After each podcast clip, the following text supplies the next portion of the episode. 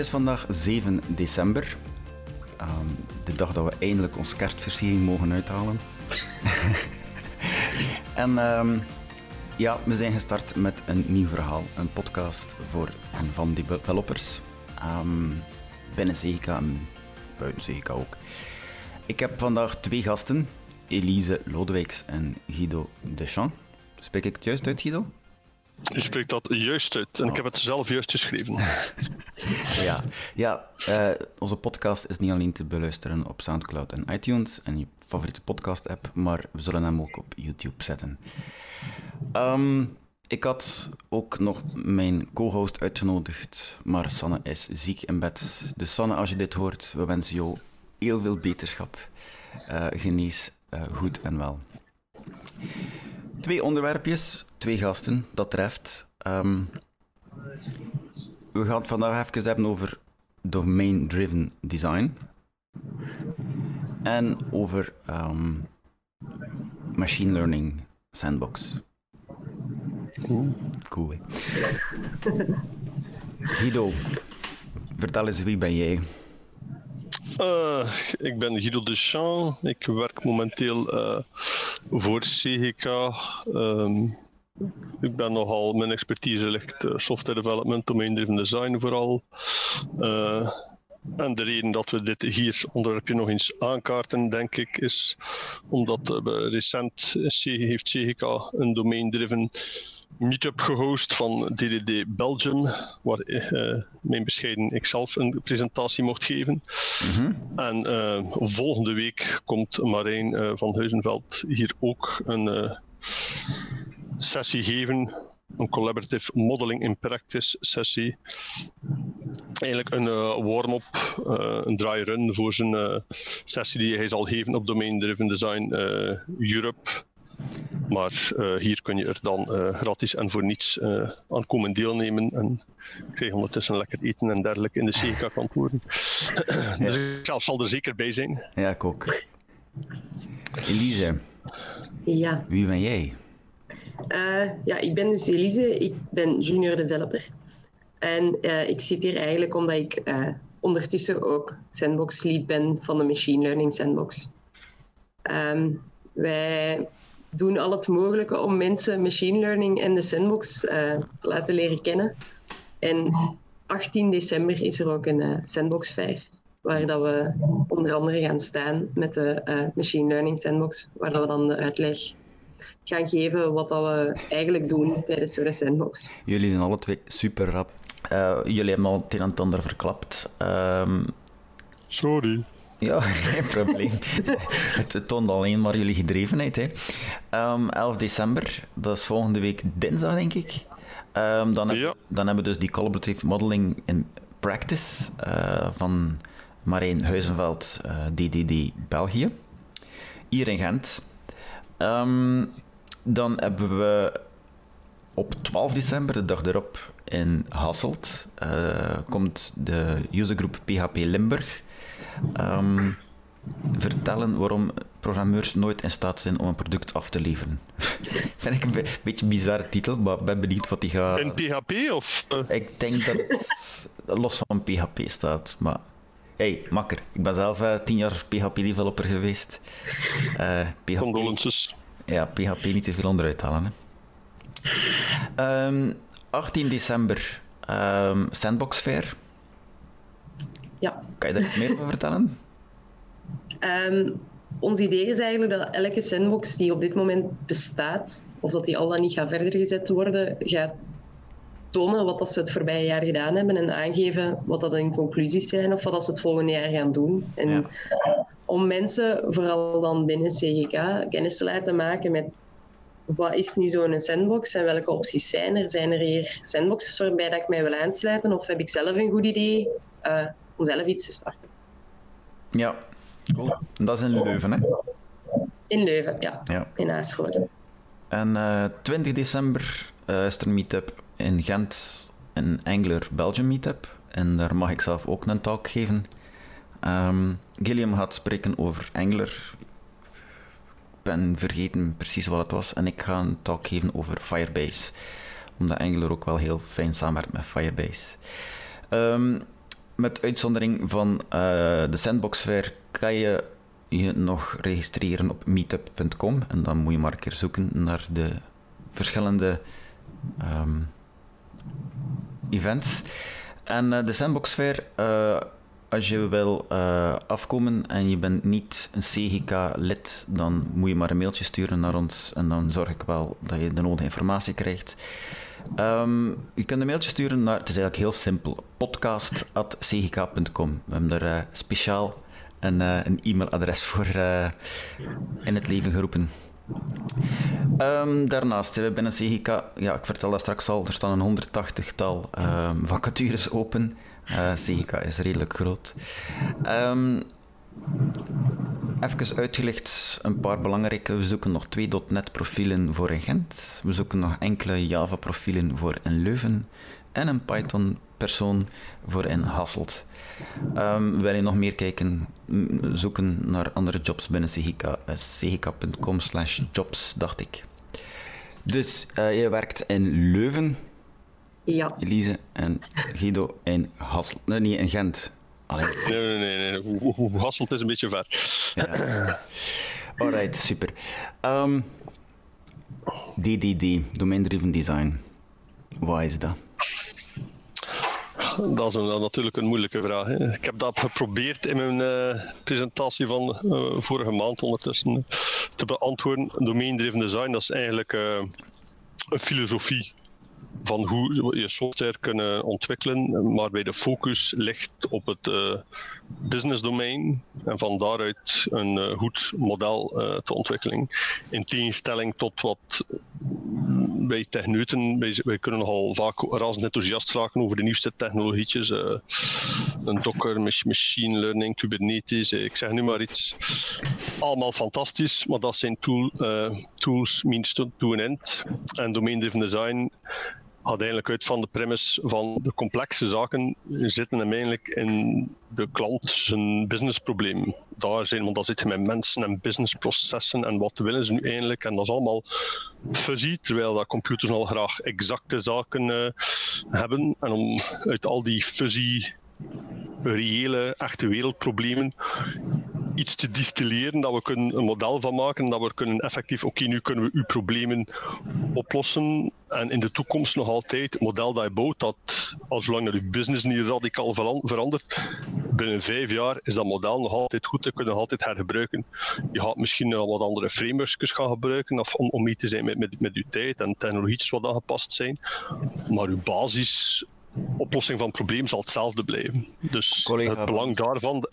Ja, collega van ons die zei van uh, eigenlijk is DDD dat is eigenlijk common sense. Ja, maar. Goed boerenverstand. Dat, dat, is, dat, is, dat is zo. De tools en technieken die ze binnen DDD gebruiken, zijn niet altijd zo common sense om te gebruiken. Ik heb ook al verschillende keren gedacht van, ah, ik snap het.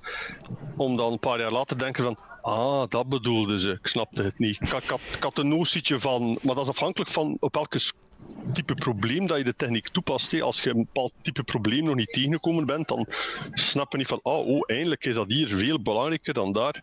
Zaken waar ik initieel de eerste keer dat je domain-driven design leert nogal, oké okay, ja, waarom wijt hem hier een heel hoofdstuk aan? Dat kan ik in twee zinnen ook leggen, uitleggen. Dat is niet zo belangrijk. Je hebt maar dan later blijkt van, ah ja. Je hebt het over een hoofdstuk. Um, je hebt mij in contact gebracht met het blauwe boekje.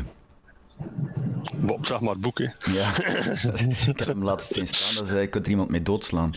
Uh, uh, vertel eens, wie, of wat is, dat, wat is dat boek? Wie heeft dat geschreven? Uh, dus Domain Driven Design, dat is een term die gecoind is uh, door Eric Evans in 2004.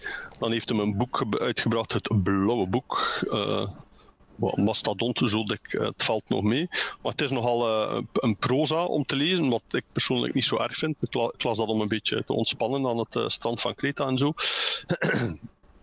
Maar dat is dus het, het uh, blauwe boek. Dat is heel lang het uh, enigste referentiewerk geweest ook over domain-driven design.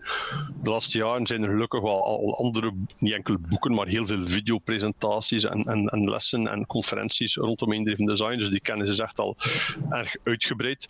Maar in domain-driven design, het blauwe boek, legt hem eigenlijk zo de basistechnieken, die voordien ook al bestonden en gebruikt werden, maar hij heeft ze dan bijvoorbeeld ubiquitous language, hij coint die term, een bounded context, dat zijn zo'n paar van de belangrijke bouwstenen waarmee je naar een probleem kunt gaan, naar je business kunt gaan en eigenlijk kunt beginnen met van, ik moet hier een probleem oplossen, hoe kan ik dat modelleren? En dat zijn twee nuttige technieken. En in eerste instantie, als je dat leest, is dat heel erg eenvoudig. Maar dat is, hoe meer dat je daarmee mee, mee vertrouwd wordt en hoe dieper je daarmee gaat, hoe meer uh, hoe het praktische nut en het belang dat je ervan uh, van, van die technieken uh, in zit. Ik heb het boek nog niet gelezen. Kan je het mij aanraden? ik zou u nu het blauwe boek niet aanraden. Ik zou de, het kleine groene boekje aanraden van Von Vernon. Ja, dat, dat is zo zonder al te diep en in proza te gaan, dat is maar een honderd, honderdtal pagina's. En dan legt zo de core concepten uit. Dat is eigenlijk van, wil je ongeveer weten wat het is? En het, de kracht en het nut van sommige dingen zonder al te diep in de technieken te gaan, maar dat je zegt van oké, ik kan het al gaan gebruiken, nog los van dat je software aan het ontwikkelen bent, dan is het groene boekje zeker uh, Zeker voor uh, mensen die niet alle dagen in de code zitten. Want domain driven design is zeker niet enkel voor software developers. Dan zou ik het groene boekje wel aanraden om snel uh, mee te zijn, de basisconcepten uh, te kennen. En ja, er zijn nog, je hebt er ook een, een dik domain driven design boek voor .NET, maar dat is met heel veel codevoorbeelden. Ja, voor developers is dat mega interessant, omdat die rap met de vraag zitten van ja, dat is allemaal tof, maar hoe doe ik dat nu? Geef ja, mij voorbeelden, show me the code. En dan is dat natuurlijk een handig referentiewerken, maar om, zo, ik wil, we hebben allemaal maar beperkte tijd natuurlijk, en iedereen heeft wel een vijftigtal boeken op zijn kast liggen die hij ooit eens moet lezen. Allee, ik toch. Um, en dan is ook Domain Driven Design Distilled uh, van Von Vernon wel aanraden. Dat gaat, kan je snel door de basisblokken uh, heen gaan. Ja, we zetten de links, links, naar waar je de boeken kunt bestellen in de show notes van deze podcast. Um, vorige week heb je het zelf al verteld, hebben we een meet-up gehouden hier in Gent uh, van DDD Belgium. En in geen tijd was die volzet, 100 man. Um, uiteindelijk zijn er een dikke 80 afgekomen. In de laatste minute uh, is traditiegetrouw een aantal mensen die afhaken. Volgende week is er ook weer een gepland. Op 11 december. Um, en zit ook alweer vol. Van waar uh, het succes, komt dat die zo hot is? Of ligt dat aan jou? Dat lag natuurlijk aan, aan, aan, aan mijn faam, wijd verspreid en zo. Um, ja, uh, nee, serieus. Um, er, zijn er zijn twee verschillende types sessies ook. Uh, hetgeen wat ik deed was een, een, presentatie geven van een uurtje.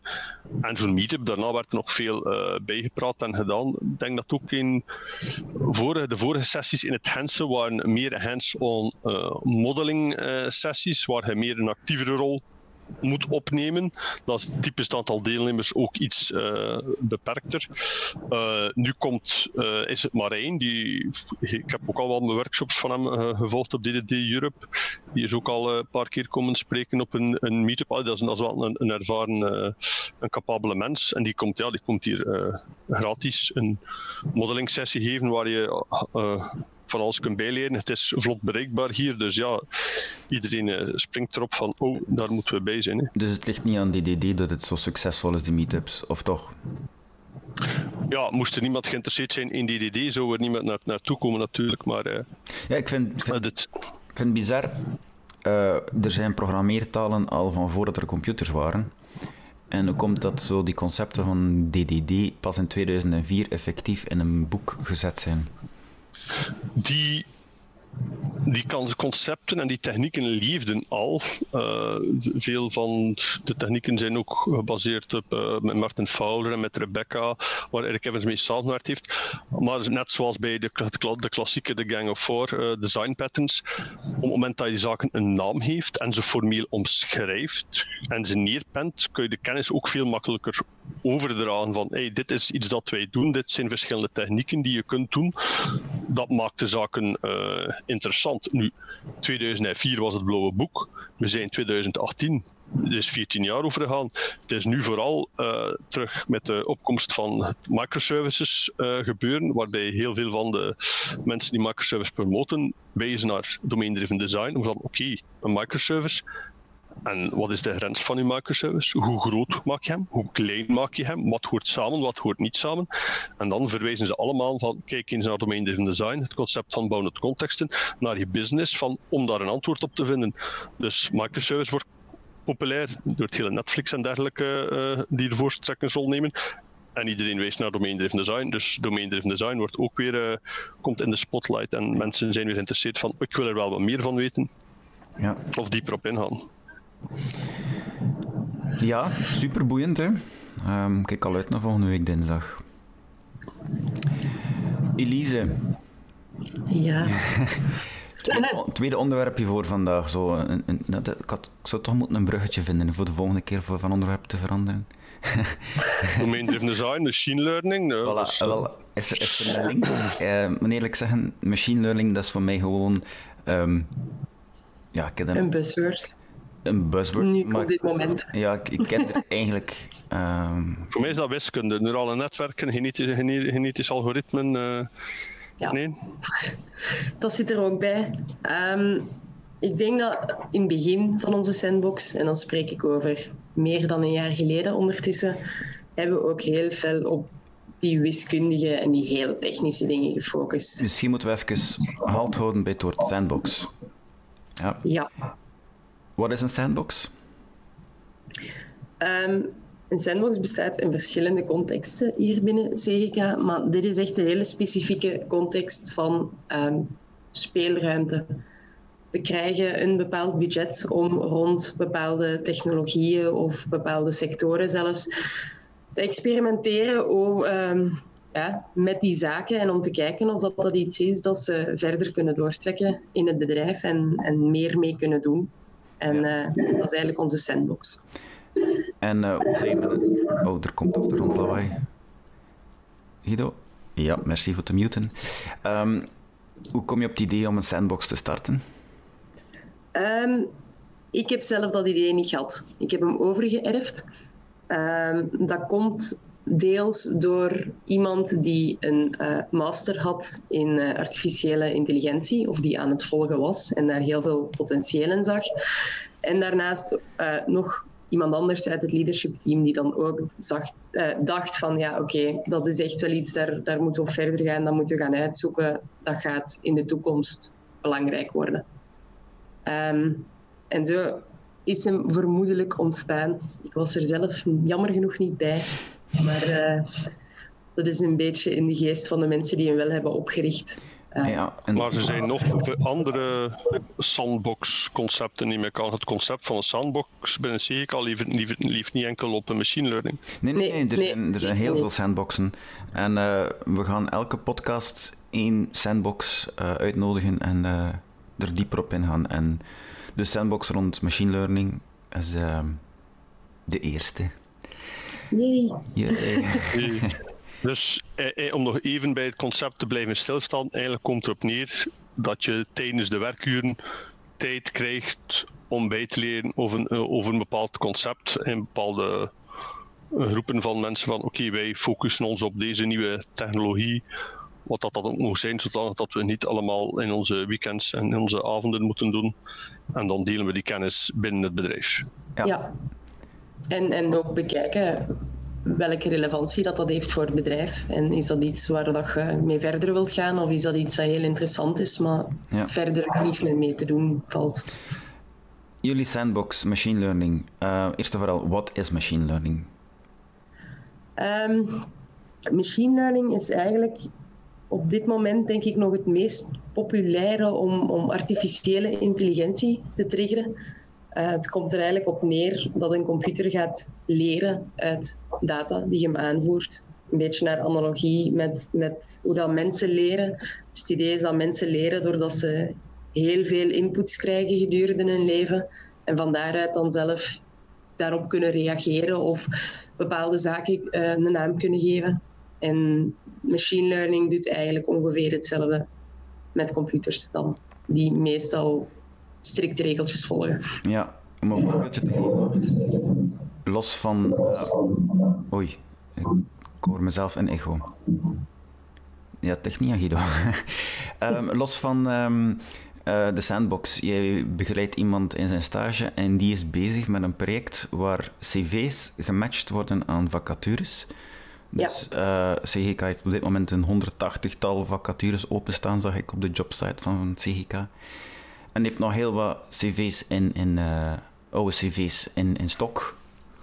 Um, die worden gematcht met machine learning om te zorgen dat uh, als in de toekomst iemand zijn cv uploadt, automatisch het systeem met behulp van machine learning kan te weten komen welke vacatures het best passen bij die persoon. Ja, ja. En dat gaat hij dan leren op basis van voorgaande matches met bepaalde vacatures of bepaalde functiegroepen om het ook uitbreidbaar te kunnen maken naar de toekomst. Binnen de sandbox, uh, hoe hebben jullie dat aangepakt? Um, dus het eerste jaar, um, voordat ik de, de sandbox heb geërfd, hebben we vooral gefocust op echt die heel technische zaken. Natural language processing, hoe zit dat in elkaar? Image recognition, hoe zit dat in elkaar? Neurale netwerken, hoe werkt dat? Um, en sinds, ik heb zelf geen technische achtergrond, ik heb geen IT-achtergrond, ik ben ingestroomd via CGK School. Dus ik vind dat allemaal heel cool en heel interessant, maar ik geloof ook wel dat er veel meer achter zit dan alleen die zaken. Dus uh, sinds ik bezig ben met de sandbox zijn we meer aan het kijken, oké, allemaal goed en wel, dat bestaat nu, hoe kunnen we dit in een project zetten? En in een project rekening houdend met onze manier van werken en bepaalde agile concepten daarin te brengen. Want meestal machine learning is ja, experimenteren totdat je op een niveau komt dat aanvaardbaar is. Um, en daar zijn we dan eigenlijk begonnen met uh, Kaggle datasets. Dus dat zijn vrij beschikbare datasets die soms vrij goed in orde zijn, niet altijd heel uitgebreid zijn, maar dan hadden we wel iets om mee te beginnen, om de, de effort die het toch altijd kost om data te verzamelen even uit, uh, uit te sluiten. En dan zijn we daarmee beginnen te experimenteren en eigenlijk gewoon gaan kijken wat hebben we nu nodig om dit aan een project te zetten. Um, tijdens onze tweede sandbox kwamen we er dan achter van, ja, dat ging allemaal wel oké, maar eigenlijk zijn we daar gewoon ingedoken. We hebben niet nagedacht, welk probleem lossen we hiermee op? Hoe, kunnen we die zaken, allez, hoe kunnen we dit nu echt gebruiken? Dus voor de tweede case zijn we nog een stapje verder gegaan met een andere uh, Kaggle dataset ook. Want dan hebben we eigenlijk iemand assigned als, als product owner. Dus die bepaalde businessbeslissingen kon nemen.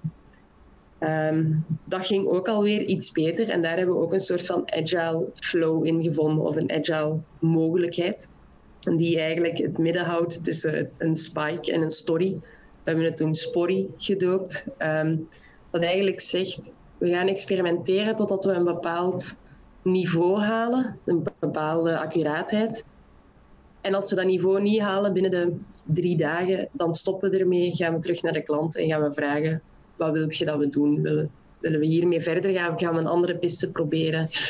Is het nog mogelijk eigenlijk? En zaten jullie met een bepaalde concrete klant, geen namen noemen, nee, maar zaten jullie met een bepaalde concrete klant voor die sandboxen samen? Of was dat gewoon zelf een eigen project dat jullie... Nee, dat was een eigen project. We zijn aan het kijken of dat we meer richting echte klanten en projecten kunnen gaan. Nu, eh, de, de stage voor HR is daar ook weer een, een hele goede voorbereiding op, dat het toch al iemand extern is vanuit de sandbox maar dat was echt allemaal van, van mockdata van Kaggle en iemand die nauw betrokken was met de sandbox. Die, uh, en welk soort, welk soort data was dat dan? Uh, het ging over, over diertjes die in het asiel zitten. Uh, de Animal Shelter dataset, die eigenlijk gaat kijken of een dier het asiel levend verlaat, doordat hij um, geadopteerd wordt of terug naar zijn eigenaar gaat of naar een ander asiel wordt getransferd, of dat hij sterft in het asiel omdat hij oud is of ziek was of zo verder. Um, en wij hebben daar dan een probleem opgeplakt eigenlijk, wat dat jammer is, maar om data te kunnen hebben en te gaan gebruiken, hebben wij de case uh, gemaakt van stel dat als, als uh, eigenaar van die animal shelter willen we eigenlijk als er een dier binnenkomt kunnen voorspellen hoe waarschijnlijk is het dat hij dood gaat gaan in het asiel? En misschien moeten we hier meer aandacht aan besteden en, en daar wat meer uh, marketing rond doen, zodat hij toch geadopteerd geraakt en toch niet hier moet sterven. Dus dat was een beetje onze, onze insteek. Nou, mooie um, insteek. het was geen echte case, maar het kwam uh, al dichtbij van dit zou gebruikt kunnen worden. En dit, voor ons was het belangrijk dat niet-technische mensen zich konden inbeelden wat mhm. machine learning zou kunnen doen. Um, en dat zijn we dan verder gaan uitbreiden en zijn we verder gaan zoeken. En zo zijn we bij de, bij de case voor HR gekomen, die je daarnet vermeld hebt, waar Sascha nu aan bezig is, om eigenlijk een cv te kunnen uploaden en op basis daarvan voorspellingen te maken. En daar zijn we ook al in inzichten gekomen. Bijvoorbeeld onze Agile Flow die we hadden uitgetekend. We kunnen die wel volgen, maar eigenlijk is er uh, een Agile, uh, een Machine Learning Engineering Loop. Hebben we ergens een artikel over gevonden en dat beschrijft eigenlijk heel mooi hoe dat je zo'n flow zou kunnen volgen. Dus dat je eigenlijk een, een testset hebt die representeert je, je business requirements. Dus in die testset zitten alle zaken die, of alle samples die je zou willen voorspellen, waar dat je iets mee zou willen doen. En die runt je dan elke keer als je een model getraind hebt. Het idee is dan om een model te trainen, daarna te kijken hoe goed scoort dit, en dan pas een diagnose te maken en echt met een heel simpel model te beginnen. Daarna een diagnose te maken. Waar zitten nu de grote problemen hier nog? Wat kunnen we doen om deze problemen uit te filteren? En dan start er een nieuwe iteratie eigenlijk, waarbij dat het nieuwe model of met de nieuwe parameters geïmplementeerd gaat worden, dat geëvalueerd gaat worden en, en zo verder. Ja, knap. En welke technologie gebruiken jullie dan daarvoor? Um, op dit moment zijn we vooral aan het werken in, in Python uh, met scikit-learn, wat een, een, handige library is om uh, daarop te gebruiken. Maar we zijn aan het experimenteren met allerlei andere zaken. Sowieso gaat TensorFlow er, erbij komen als we meer richting deployment gaan kijken. Daar hebben we ook al mee geëxperimenteerd. Maar we zijn ook aan het kijken geweest naar, naar dingen zoals Weka, die in Java dan te gebruiken zijn, omdat de meeste mensen in de sandbox ook Java-developers zijn. Um, het is nog heel breed en we proberen in de sandbox ook zoveel mogelijk met die zaken te experimenteren om te kunnen zeggen, dit werkt voor ons of dit werkt absoluut niet. Wat is nu makkelijk te gebruiken? Wat is het beste om te gebruiken? Um, dus dat is uh, ja, experimenteren. Is uh, machine... Ja, zeg maar. Ik, ik had gewoon een, maar een persoonlijk interessevraagje. Heb je het een beetje gevolgd het voorbije jaar wat uh, AlphaGo en AlphaZero dan allemaal gedaan hebben qua machine learning? Uh, ik heb het met een half oog gevolgd, maar helemaal niet zo groot. Dit jaar heb ik persoonlijk en, en mee met de Sandbox vooral al gefocust op welke zaken er binnen CGK al gaande zijn met machine learning. Um, en zulke zaken zijn wel eens vermeld, maar daar zijn we nog niet heel close aan het opvolgen. Guido, leg eens uit voor degenen die het niet gevolgd hebben. Ah, de, dus AlphaGo, dus voor de mensen die het niet zouden weten, in 1997 denk ik heeft IBM voor het eerste keer uh, Gary Kasparov verslaan in het schaken met Deep Blue. Maar dat was eigenlijk vooral brute rekenkracht, dat was op zich niet zo interessant. Maar uh, Go is een ander uh, spel waar Google zich dan eens, allee, Google, een spin-off van Google zich op gesmeten heeft om de mens te verslaan uh, in, in, in Go. Wat veel complex is, de algoritmen die gebruikt worden. Eigenlijk schaken kun je relatief doen met uh, dus alfabeta, trees en, en, en, en, knippen, en, omdat het een kleinere vertakkingsgraad heeft. Maar die technieken werken niet voor Go. Dus wat hebben ze dan eigenlijk gedaan? Via machine learning hebben ze het eigenlijk het, de AI tegen zichzelf laten spelen en zo het spel leren. Hij heeft, ik dacht in 2017 of 18, ik weet het niet zeker, heeft effectief de wereldkampioen in Go verslaan, wat eigenlijk gigantisch is, want dat is een mhm. totaal verschil qua algoritme van hoe, hoe leer ik het. En nu hebben ze sinds kort ook hetzelfde algoritme toegepast nog eens terug op schaken met dit verschil het speel te laten het spelen tegen de sterkste schaakcomputers. Maar eigenlijk zijn het enige wat het ding weet, is hoe bewegen de stukken van schaken. En dan laten ze het 4 à 5 uur tegen zichzelf spelen. Dus het zijn geen menselijke algoritmes in. Het is gewoon een netwerk van speel tegen jezelf en leer.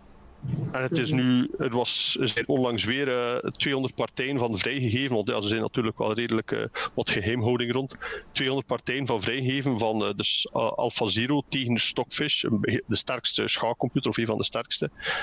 Ik heb dat gisteren zitten kijken, dat is op een niveau van ja, daar komen mensen denken zo niet en computers helemaal niet. En vooral het feit van eigenlijk op vijf uur tijd begrijpt dat algoritme beter schaken dan alle voorbijgaande kennis die de mensen verzameld hebben over de jaren heen. Dat is, dat is van, ah ja, oei, dat is, dat is gigantisch wat er daarmee mogelijk is met die zaak. Ja. ja, dat zijn zo cases waar wij zeker wel naar kijken, maar waar wij ook zo de bedenking bij maken. Dat is prachtig om te tonen wat dat machine learning kan, maar uiteindelijk zitten wij hier ook nog in een, een businessomgeving. En businesswaarde van een machine die kan schaken is het, is, het blijft enorm cool. Daar uh, treed ik je volledig in bij. Maar businesswaarde is jammer genoeg zeer weinig. En we merken dat er zo heel veel showcases zijn, echt. En daar proberen we ook op te kijken hoe kunnen we dat niet doen. Hoe kunnen we eens geen showcase maken, maar een, een verkoopbare business case. Nu, het... is ook de complexiteit van de data die je hebt natuurlijk. Als je een specifieke showcase, ja, de data die je hebt is redelijk beperkt en proper. Je weet waar je op leert. Maar ja, op zaken van cv's of als, als er een fout zit in je data, leert je AI potentieel verkeerde dingen. Dus uh, het is allemaal niet, niet, niet zo recht aan natuurlijk sowieso een, een bias in. Dat is, dat is ook iets wat, wat steeds vaker opkomt in machine learning. Als de mensen die nu op dit moment die beslissingen nemen bepaalde biasen hebben, dan neemt het, de, het machine, of de machine het eigenlijk over. Als er een bedrijf is waar dat er uh, geen vrouwen worden aangenomen of veel minder vrouwen worden aangenomen, ja, dan gaat uw machine leren, ah, het is een vrouw, gaan die waarschijnlijk niet aannemen. En dat is iets wat ik ook wil vermijden. De machine leert op basis van de huidige situatie. Ja. En als de huidige situatie tekortkomingen heeft, dan gaat die machine learning uh, dat niet oplossen. Nee, er is ooit een, um, een, een, case geweest, ik denk Microsoft of zo had een, een, een Twitter-bot gemaakt die, zelf content plaatste, die uiteindelijk ja, nog geen dag terug verwijderd is omdat hij te racistisch en te seksistisch was. Ja, dus die heeft geleerd van de verkeerde content. Ja, ik zou mijn kinderen ook niet leren spreken met behulp van Twitter. met de kosten dat is dus zo een, een, beetje het idee wat dat dan ook meespeelt. Eén, ja, dataverzameling is verschrikkelijk moeilijk. Uh, je moet eraan geraken. GDPR maakt dat niet gemakkelijker. Um, twee, ja, gestructureerde data vinden is, is nog veel moeilijker. En drie, eigenlijk moet je er al een beetje inzichten in verwerven. En een beetje alert zijn op zijn minst voor die biases. En kijken dat je die er op een of andere manier kunt uitfilteren ook het blijft natuurlijk, um, machine learning blijft op basis van datasets. Dus um, de realiteit is nooit te vatten in datasets alleen. Een, een, een artificiële intelligentie zal nooit een soort bewustzijn hebben uh, op basis, om, omdat het blijft werken op basis van datasets. Of heb ik dat verkeerd? Ik denk dat er wel mogelijkheden zijn, omdat uh, uiteindelijk gaat wel de hele wereld, of ze zijn bezig met de hele wereld te representeren in datasets. Dat zijn alleen geen gestructureerde datasets. Uh, die datasets zijn er ook nog niet. Maar er zijn Allee, er gaan heel veel theorieën de ronde van tegen zoveel jaar hebben we eigenlijk de hele wereld virtueel gescand in een virtual reality. Ja. Dus er zijn wel mogelijkheden. Maar op dit moment, met, met de, de, rekenkracht die ook beschikbaar is en de dataset die beschikbaar is, is het nog heel veel nodig om te focussen op een specifiek probleem. En zolang dat je voor specifieke problemen datasets hebt of datasets die ervoor gebruikt zouden kunnen worden, zijn er wel mogelijkheden. Maar ja. Er is uh, een quote, ik ben nu vergeten van wie die was die zei uh, het IQ van uh, artificiële intelligentie is nul.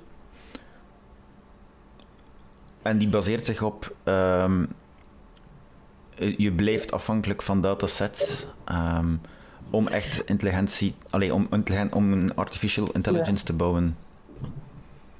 Um, ja, langs de ene kant denk je dat dat waar is. Langs de andere kant, uiteindelijk, als je zelf zou opgesloten worden in een, in een kotje en nooit iets van de wereld zou zien of nooit spraak zou horen, zou je ook niet leren spreken, zou je ook uh, geen zaken leren. Ja. Dus ik denk dat dat bij de mens niet anders is.